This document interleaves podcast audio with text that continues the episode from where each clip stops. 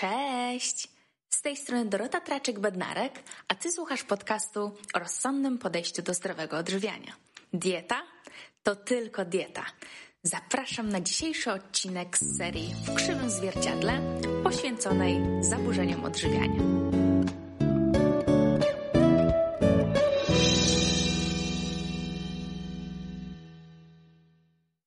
Cześć, witam Was bardzo serdecznie w kolejnym odcinku podcastu To tylko dieta.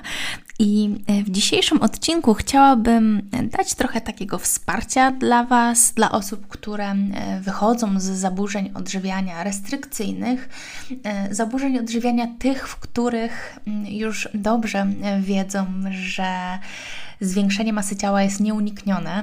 I tak jak dwa odcinki temu e, mówiłam o tym, jak to jest, kiedy mm, moja masa ciała wzrasta, nadal nie mam sytości, co wtedy robić, e, tak jak kilkadziesiąt odcinków temu mówiłam o tym, dlaczego wzrost masy ciała w wychodzeniu z zaburzeń odżywiania jest niezbędnym elementem, tak dzisiaj chciałabym pomówić o tym, jak poradzić sobie, kiedy ta masa ciała wzrasta. Oczywiście nie ma jednej uniwersalnej rady, muszę to zaznaczyć, natomiast jest kilka takich elementów, które uważam, że warto jest e, przywoływać, warto jest mieć w głowie, do których warto wracać w momencie, kiedy jest nam niezwykle ciężko, ponieważ wzrost masy ciała dla osoby, która zmaga się nadal z zaburzeniami odżywiania, jest no, niezwykle. Yy, trudnym elementem.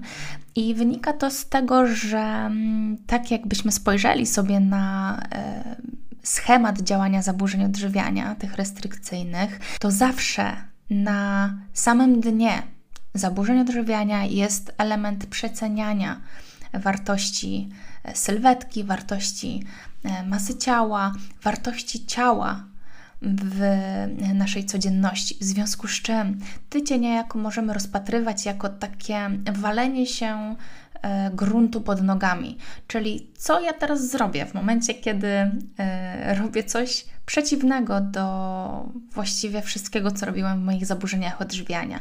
Czyli tak jak w zaburzeniach odżywiania, moje wszystkie działania nakierowane były na to, aby nie przytyć bądź schudnąć, to jak ja mam sobie radzić w tym momencie, kiedy to się dzieje, kiedy właśnie tyję, kiedy moja masa ciała się zmienia, kiedy kształt mojego ciała się zmienia i niejako mam poczucie utraty kontroli nad tym, co dzieje się z moim ciałem. I może chciałabym wyjść od tego poczucia kontroli, bo e, to bardzo częste, kiedy w restrykcyjnych zaburzeniach odżywiania mamy takie poczucie, że w momencie, kiedy tyjemy, to tracimy kontrolę.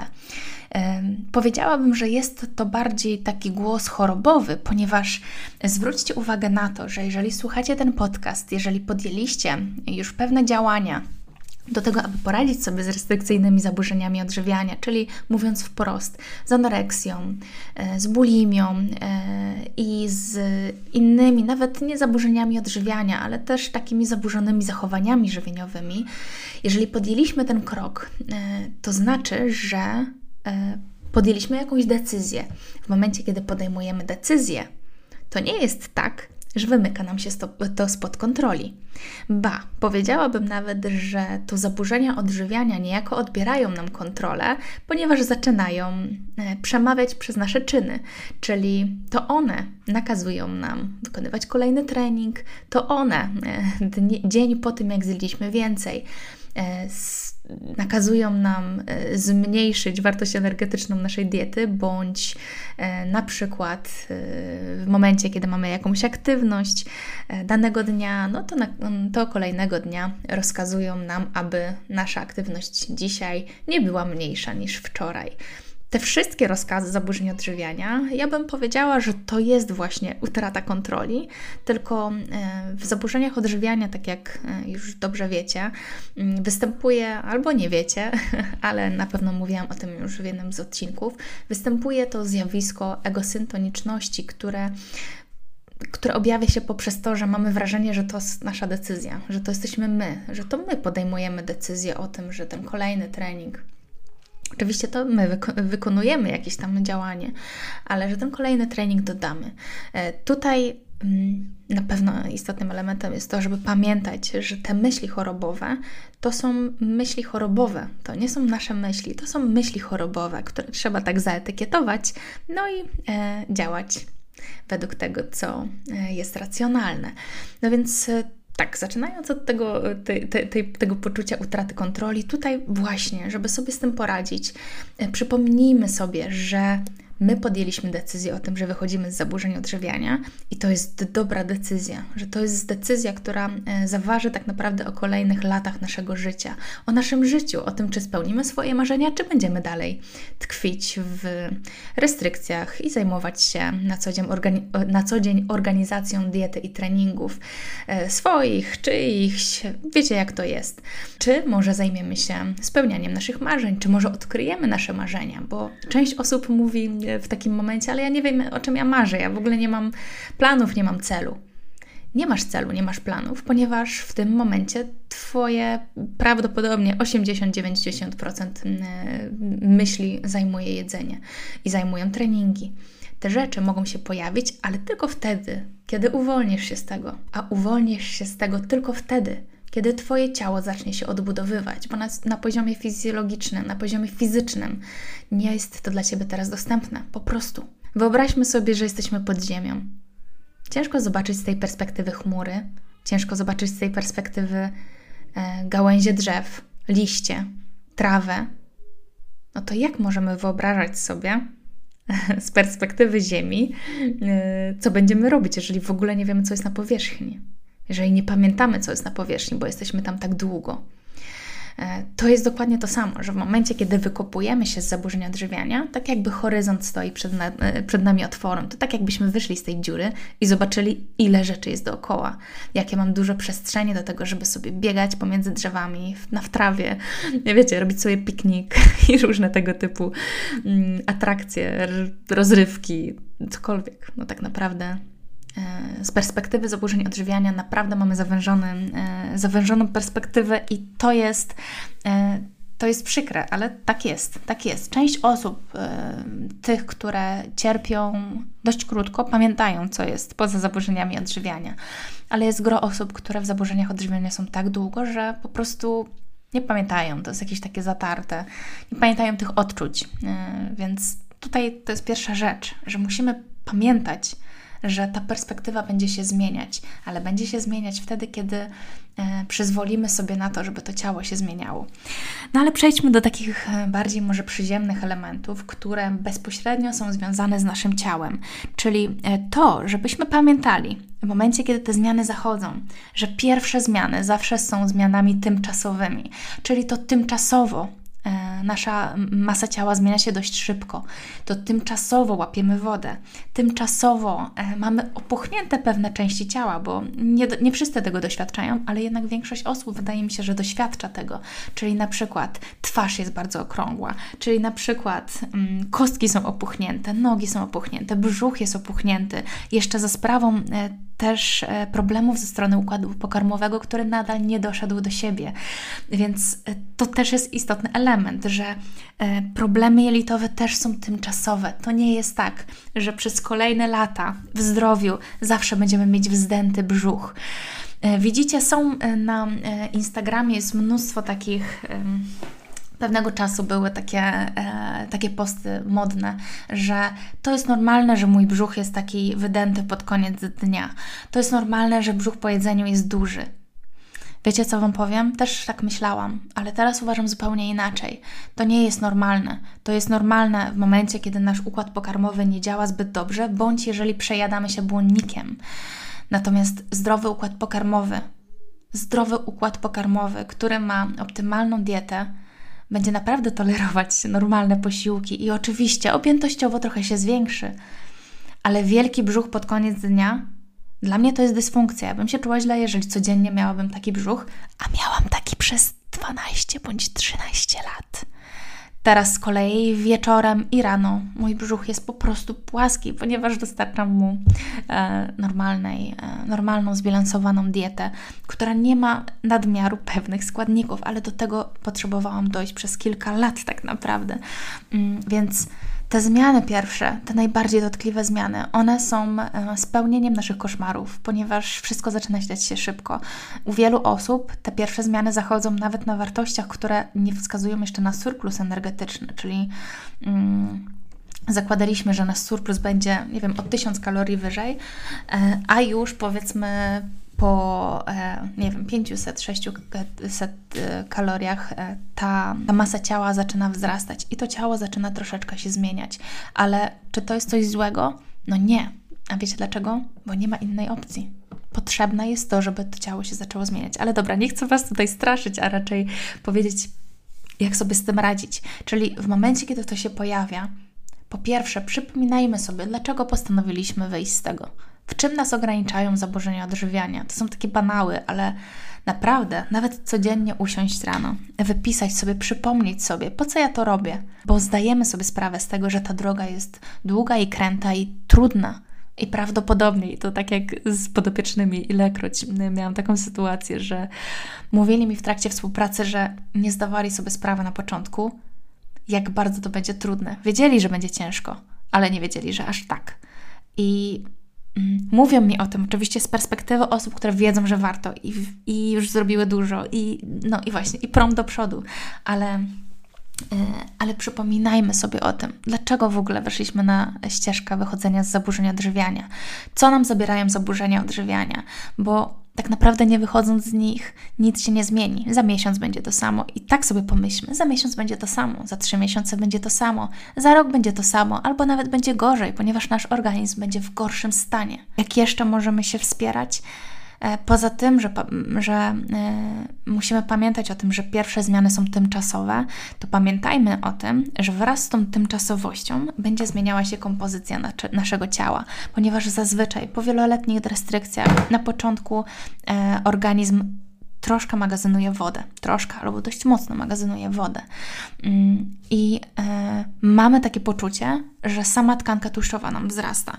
I oczywiście w wychodzeniu z restrykcyjnych zaburzeń odżywiania ta tkanka tłuszczowa jest potrzebna, ale z czasem e, też to ciało będzie zmieniało swoją kompozycję, czyli ostatecznie na tym e, docelowym punkcie, w momencie, kiedy zakładając, że będziemy o siebie dbać, dbać, o, o czym mówię, że w momencie, kiedy wejdziemy na, pewne, na pewną masę ciała, która jest dla nas bezpieczna, włączymy trening oporowy, który jest niezwykle istotny w kontekście odbudowy chociażby mineralizacji kośćca, gęstości kośćca, gęstości kośćca chciałam powiedzieć, mm, to, e, to kompozycja naszego ciała będzie się zmieniać. I nie chodzi o to, że będziemy później mogli sobie wejść na redukcję, absolutnie nie.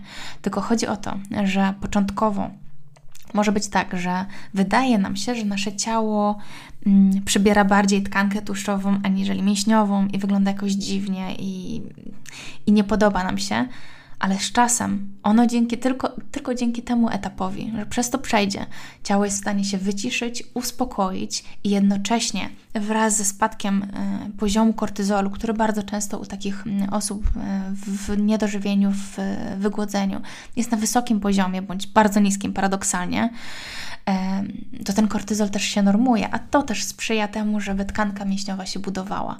Mm, także docelowo ciało staje się naprawdę ładne. Obiektywnie nawet patrząc, pewnie nie powinnam tak mówić, ale, ale, ale też e, chcę być z Wami szczera. Wiem, że e, e, i, też nie chcę, żebyście zrozumieli, że e, teraz wychodząc z zaburzenia musicie porzucić myśl o tym, że Wasze ciało będzie ładne czy estetyczne.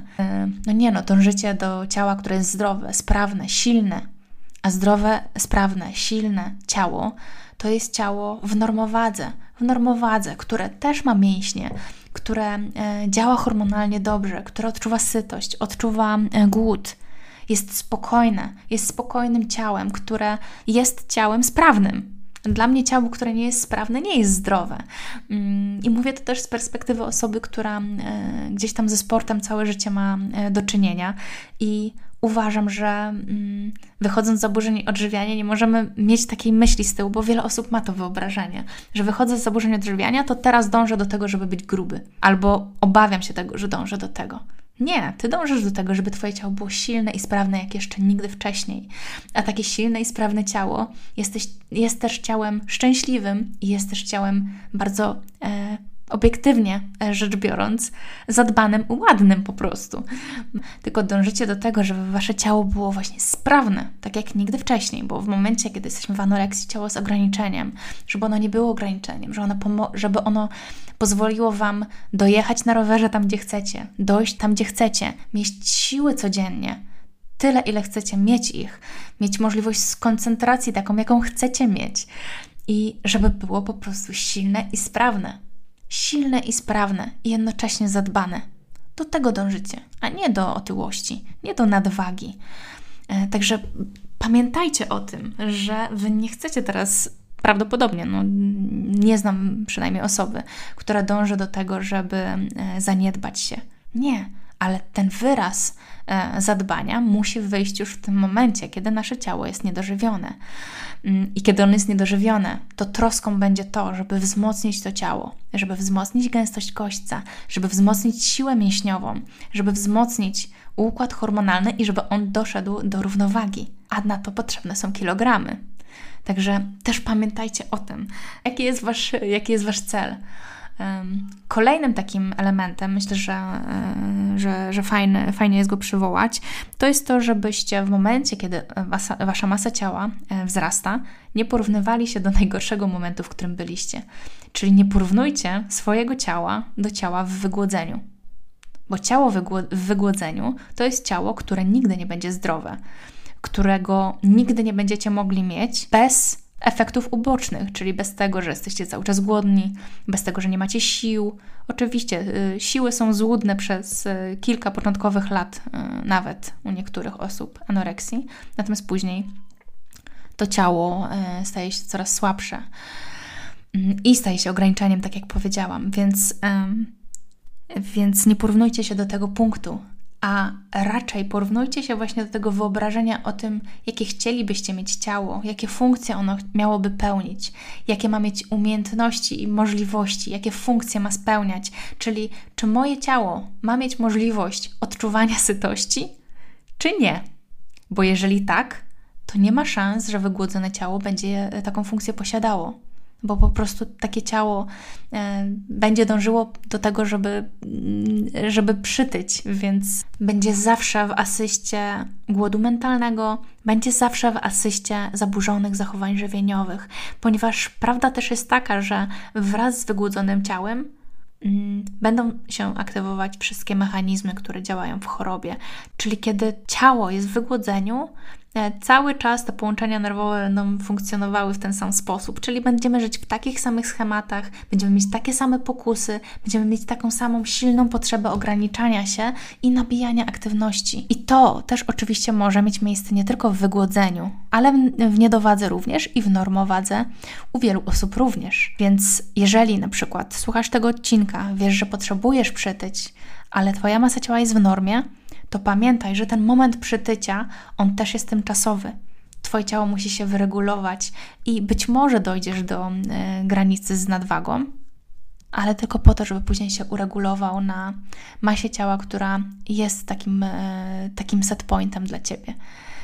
Y, potrzeba na to czasu, po prostu potrzeba na to czasu, ale warto, bo gonienie cały czas siebie w zaburzeniach odżywiania, kręcenie się w kółko, do niczego dobrego cię nie doprowadzi. Myślę, że już masz mnóstwo dowodów na to i możesz sobie nawet na kartce zapisać, e, do czego doprowadziły mnie e, działania e, w zaburzeniach odżywiania.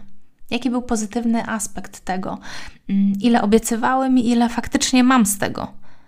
A z drugiej strony, co mogę osiągnąć w momencie, kiedy wyjdę z nich? Jaki mogę mieć z tego zysk? Co mogę faktycznie osiągnąć bez nich? Czasami jest tak, że zaburzenia nam obiecują, że no dobrze, dojdź jeszcze do tej masy ciała i później możesz sobie już żyć. Albo co gorsza, to już też kiedyś mówiłam, dojść do niższej masy ciała, ale jednocześnie poprzełamuj sobie schematy różne i sobie tak funkcjonuj. I wtedy będzie ok. Nie, tak nie będzie ok. Jeżeli jesteśmy w przetrwałym deficycie energetycznym, musimy go odbudować. Nic jakby inaczej, inaczej w tej ta machina nie ruszy. Inaczej machina zdrowia nie ruszy. Takim elementem tutaj by było to przypomnienie, że teraz chcę sobie poradzić po to, aby później móc być wolny, naprawdę wolny.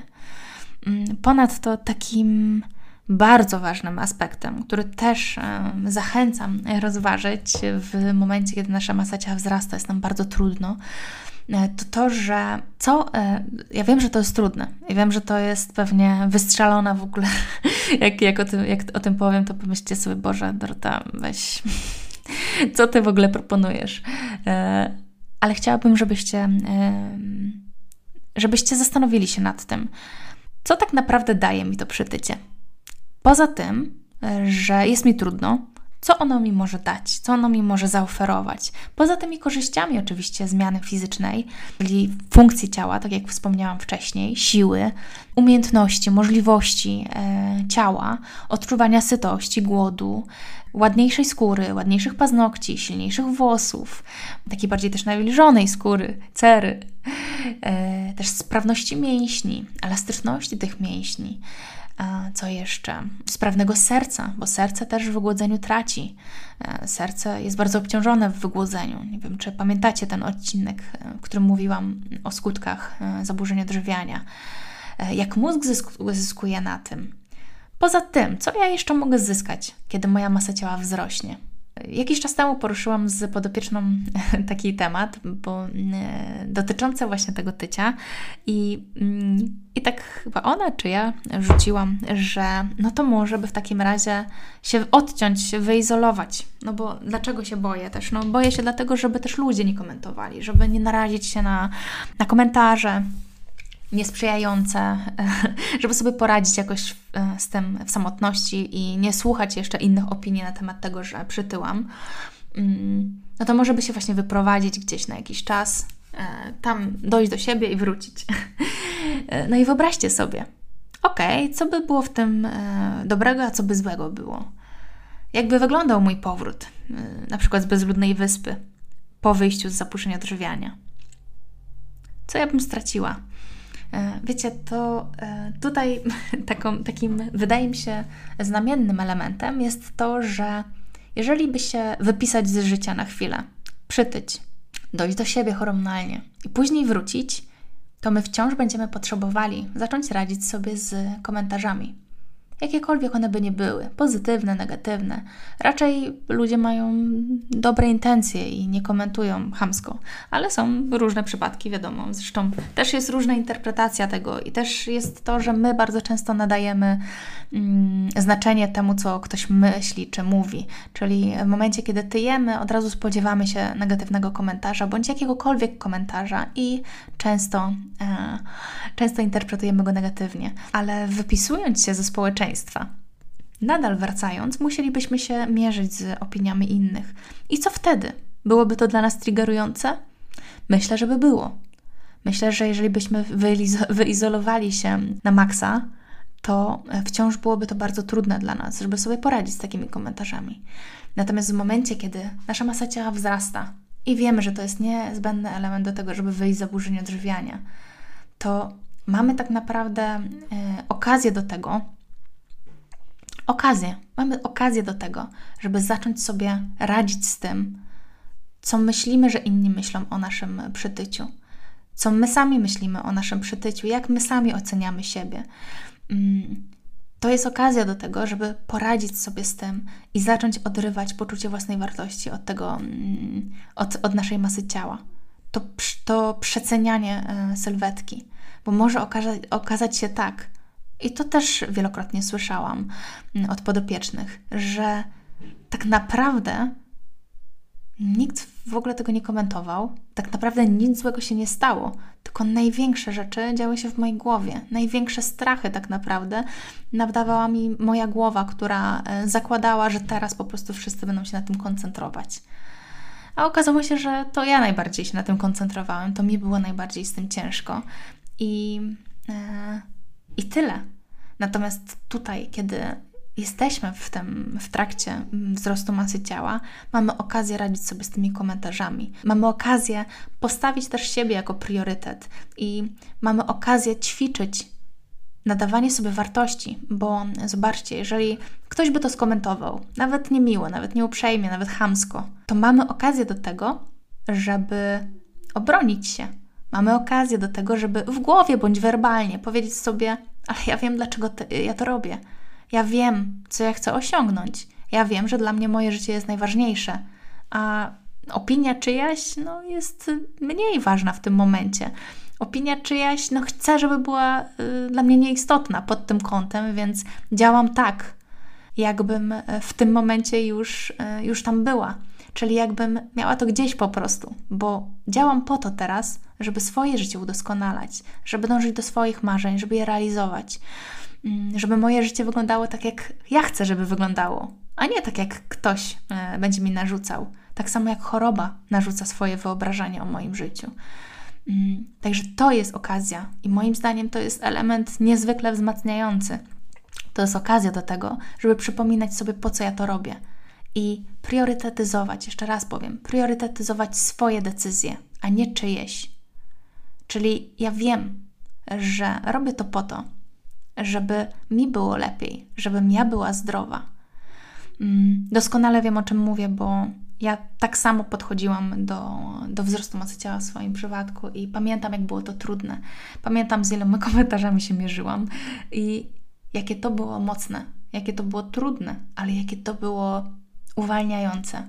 Jak to bardzo pomogło mi e, zbudować asertywność, jak to bardzo pomogło mi zbudować mm, tą pewność tego, co ja chcę i do czego ja chcę dążyć i co jest moje.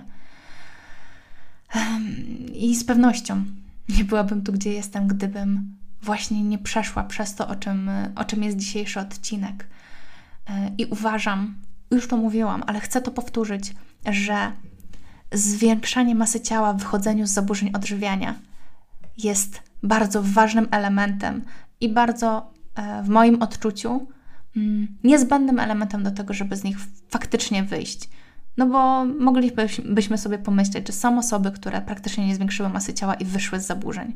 Czy one wyszły z zaburzeń, czy w momencie, kiedy zaczęłyby tyć, zachowania, e, zachowania restrykcyjne by nie wróciły? Bo w tym momencie wy pracujecie nad tym, żeby być niezależnym od tego, niezależnym od choroby, niezależnym od dyktowania e, warunków przez chorobę. A tą niezależność możecie wypracować tylko w momencie, kiedy przepracujecie tycie, kiedy będziecie z tym ok, kiedy będziecie wiedzieć, że to jest po prostu niezbędny element wychodzenia z zaburzeń odżywiania, kiedy pogodzicie się z tym, że wasze ciało potrzebuje się zmienić i oderw oderwiecie się od tego przekonania, że tylko wychudzone ciało, czy jakieś tam w jakiejś konkretnej masie ciała jest ok. Nie jest. Ok jest to ciało, które jest sprawne i wy do niego teraz dążycie. Um, no, także to chciałam powiedzieć, że to jest naprawdę niezbędny element. I, I no, nie chcę mówić, że nie wierzę w wyjście z zaburzeń odżywiania bez tycia, e, z zaburzeń restrykcyjnych, ale trochę tak jest. Trochę tak jest, bo uważam, że cały czas gdzieś jest to, że nie doświadczyliśmy tego, czego się najbardziej boimy. A to tam, gdzie najbardziej się boimy, jest wolność. Za tym, czego najbardziej się boimy. Kiedy to przejdziemy, jesteśmy silniejsi bardzo i niezwykle to wpływa na e, inne aspekty naszego życia. Niezwykle. E, to jest nie do opisania. Więc pamiętajcie, że tylko w taki sposób jesteście w stanie też się wzbogacić o to i zbudować pewne, e, pewne kwestie. Nie mówię, że tylko, tylko w taki sposób jesteście, jesteście w stanie zbudować asertywność czy, czy, czy poczucie własnej wartości, ale uważam, że głęboka akceptacja tego i próba, i nawet nie próba, i praca nad tą akceptacją jest w stanie Wam bardzo dużo dać. I to jest świetna okazja do tego. Właśnie ten wzrost masy ciała, który jest taki przerażający. Pytanie, i tutaj też jeszcze jedna rzecz przyszła z jednej z ostatnich rozmów z moim podopieczną. Pytanie, czy boimy się e, zwiększonej masy ciała, czy boimy się samego procesu tycia? Czy ta masa ciała docelowa jest tak fatalna, czy e, to uczucie, które towarzyszy nam podczas samego tycia, po prostu nie jest przepracowane?